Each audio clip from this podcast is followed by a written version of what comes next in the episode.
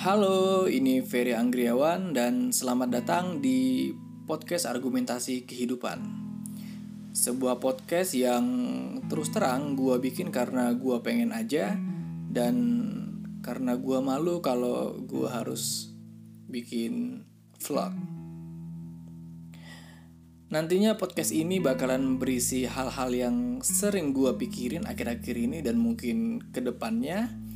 Dan daripada jadi unek-unek, mending gue ceritain aja di sini.